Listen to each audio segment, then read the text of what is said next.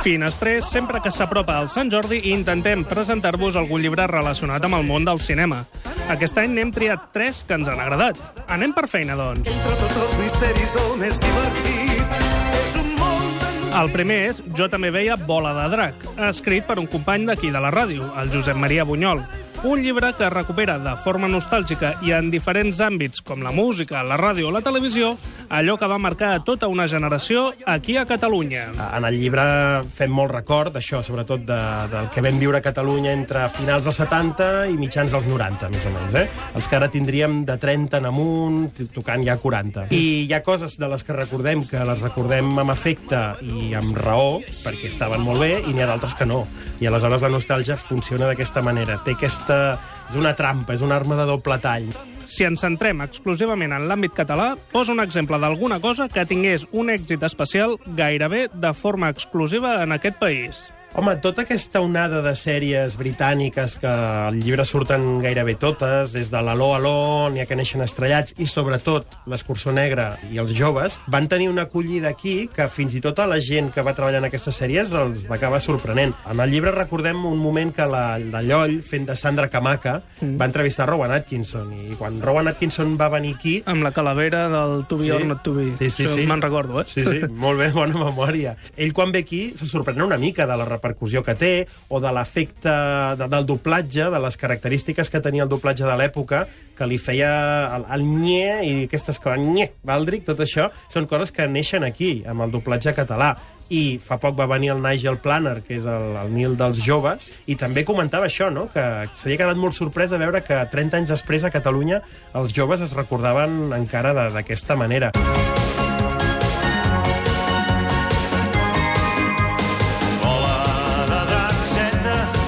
Suposo que tothom que llegeixi el llibre redescobrirà coses que tenia oblidades. Quina ha estat la teva sorpresa? Per exemple, el tenia molt oblidat i me'l van recordar el, el, aquella sèrie del món d'en Bigman, que feia aquells experiments, que més estava doblat per l'Eduard Farelo, i que tenia aquella cosa tan graciosa que eh, en el doblatge, com que representava que el Bigman rebia consultes dels espectadors, en el doblatge es deia doncs, que havia escrit en Pere de, de Castellterçol, no? Feien aquesta, aquest doblatge adaptat, que de fet en aquella època era molt habitual. Però sí, en Bigman, que, que l'he tornat a veure per treballar en el llibre, realment era un producte molt original, I quins altres has afegit, anem a dir, per què tocava? en el llibre apareix Musculman, jo com a, com a espectador no el vaig seguir gaire, però sí que entenia que era obligat incloure'l. O el Parker- l'imperdible Parker Lewis, per exemple, que és molt, molt famós, mm. jo l'havia vist de manera molt esporàdica, i, però sí que entenia que hi havia de ser. I segur que has deixat moltes d'altres fora que t'hagués agradat incloure.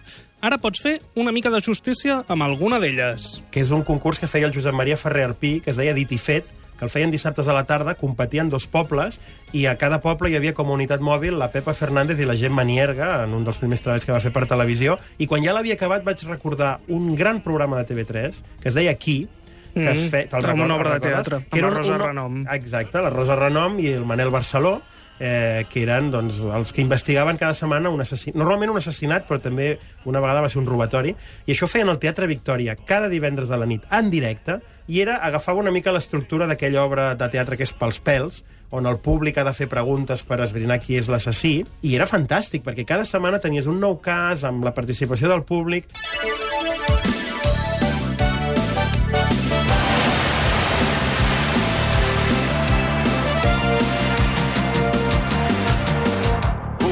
Parlant de bola de drac, jo era dels que intercanviava fotocòpies a l'hora del pati. Ara només caldria posar al Google Imágenes i, com sempre, ens sortirien 50.000 resultats. Com sempre en l'era digital, hem guanyat en accessibilitat, però a banda de romanticisme, segur que hem perdut en altres coses. hi ha estudis, que no, no, no els conec al detall, però que ho diuen, que, que amb l'actual era digital es perdrà molt més material del que, del que es perdia abans. És a dir, eh, el treball que fan les filmoteques, importantíssim, de, de conservació de patrimoni, eh, doncs clar, amb, amb l'era digital queda una mica en entredit, per això, perquè les coses són fitxers que són ràpidament... que es poden perdre molt ràpidament, i, i a tots ens ha passat. Doncs ja ho sabeu, nostàlgia i tros d'història d'aquest país, eh, jo també veia Bola de Drac, de Josep Maria Bunyol.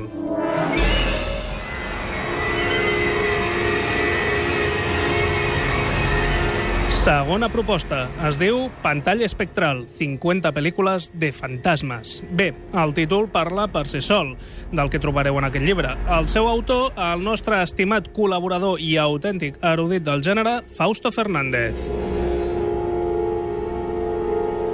Al Fausto li agrada molt aquest subgènere perquè, segons ell, té una gran relació amb el cinema mateix. M'agrada perquè simbolitza molt la, el que és en definitiva el cinema. El cinema no deixa de ser una aparició que té lloc enfront dels nostres ulls, suspesa i a l'aire. No? Són imatges que apareixen davant de nosaltres on habitualment veiem a gent que està morta, veiem gent que no està allà, gent que físicament no està allà. I em feia molta gràcia poder també lligar aquesta idea de, com deia el Dràcula de Coppola, que el cinema era un lloc on els morts continuaven vius, on tenien la vida eterna, doncs parlar també d'aquesta mena com de caràcter oníric i caràcter, i caràcter fantasmagòric que té el cinema mateix. Al llibre trobareu reflexions cinematogràfiques i també un punt de psicoanàlisi a través de títols imprescindibles com Poltergeist, El Resplendor, El Sexto Sentido o Cazafantasmes, però també altres títols clàssics o més desconeguts. Digues alguns títols que per tu havien d'estar sí o sí. Ah, havien d'estar això, havia d'estar suspense, havia d'estar el fantasma i la senyora Muir de Mankiewicz, que em sembla també una d'aquestes pel·lícules clau, i després també havia d'estar sí o no dues de les adaptacions de les per mi, en la meva opinió, de les millors novel·les que s'han fet sobre fantasmes, que és La casa encantada de, de la Shirley Jackson, que va fer la versió al, al Robert Wise, i després l'homenatge directe que va fer aquella novel·la al Richard Matheson amb La casa infernal, que es va portar al cinema com la leyenda de la mansió de l'infierno. Algun títol que hagis redescobert gràcies a l'escriptura d'aquest llibre. Però tornant a veure La tumba de l'Iguella, va ser una pel·lícula molt més interessant del que recordava. I després també tornant a, a revisar una pel·li que em va fer molta gràcia quan, quan la vas veure al cinema, que, que és House, una cosa al·lucinant de la Steve Miner, que la recordava com un entreteniment, com un espectacle de fira, monstres i zombis i coses res, però després vaig descobrir, igual és, també parla que era una pel·lícula que tenia una temàtica, o sigui, un rerefons molt profund i molt, i molt dramàtic a, al voltant de la guerra del Vietnam i dels fantasmes de, de la guerra del Vietnam. Ha estat també una, una, petita, una petita sorpresa. I una que hagis revisat i hagis dit, va, no és tan bona com recordava? alguna pel·lícula que m'havia agradat molt, però que ara, quan he tornat a revisar-la, l'he trobat molt més fluixa, que és l'Esperanza del Diablo del, del Guillermo del Toro, que l'he trobat també una miqueta, no sé, una miqueta més Almodóvar, que era el productor del, del film, que no una pel·lícula que tingués a veure amb l'univers del, del, del Guillermo del Toro, que em semblen millors les que va fer després en producció espanyola com el, com el laberinto del fauno.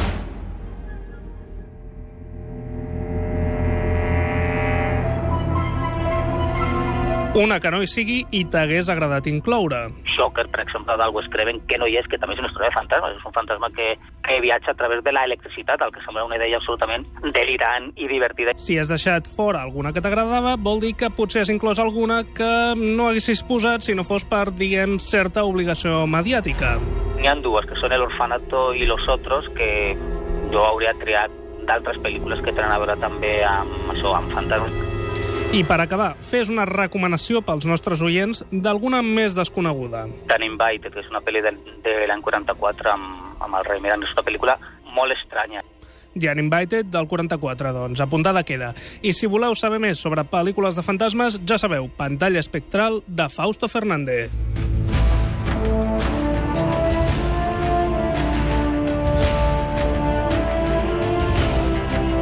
I tercera proposta de la nit, Hay que mirar i ver Watson, en aquest cas escrit per un pare i una filla, Pedro i Miriam del Río. Un divertit llibre que també fa una selecció de títols, en aquest cas per buscar-ne les errades, de lògica, de rècord, de distorsió històrica, de tècnics colant-se pel mig de l'escena...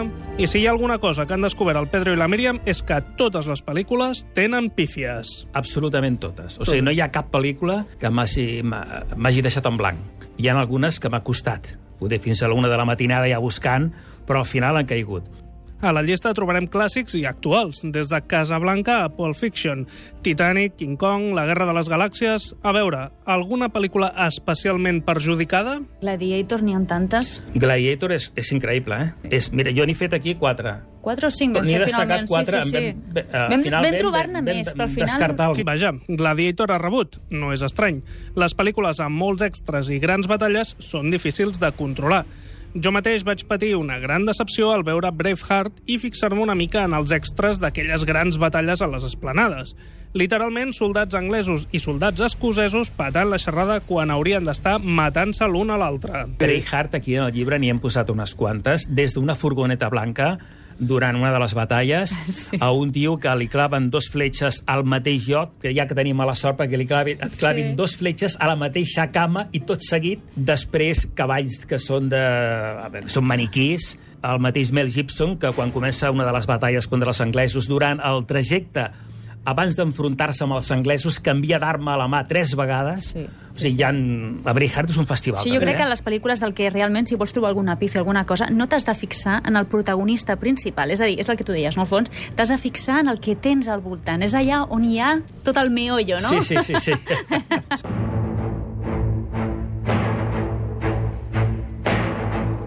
Vinga, que està divertit això. Digueu una de les pitjors pífies que heu vist al cinema.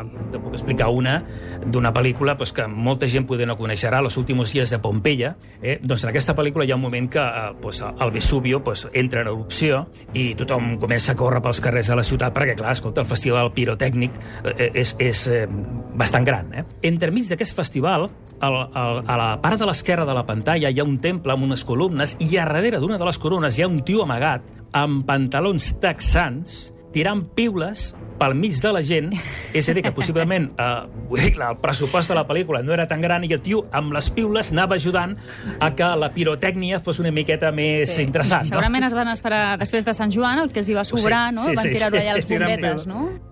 També hi ha reflexions sobre les normes no escrites en alguns gèneres. Per exemple, el terror a partir de, atenció, Viernes 13, quarta part.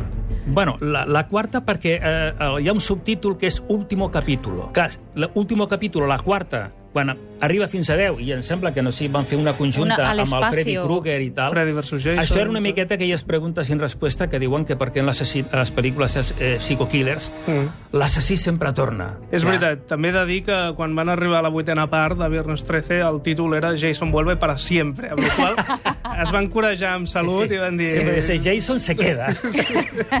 O en el subgènere vampir. Per exemple, a, a, a Dràcula, no? Per què es fa fosc tant d'hora? Per què sempre o vas a matar el, va- el vampir de turno no? i el mates o vas cap allà a les 9-10 de la nit? Escolta, no pots anar una miqueta A les abans? 10 del matí, en tot el dia per davant, Clar, per matar Dràcula. tu. Matina una mica.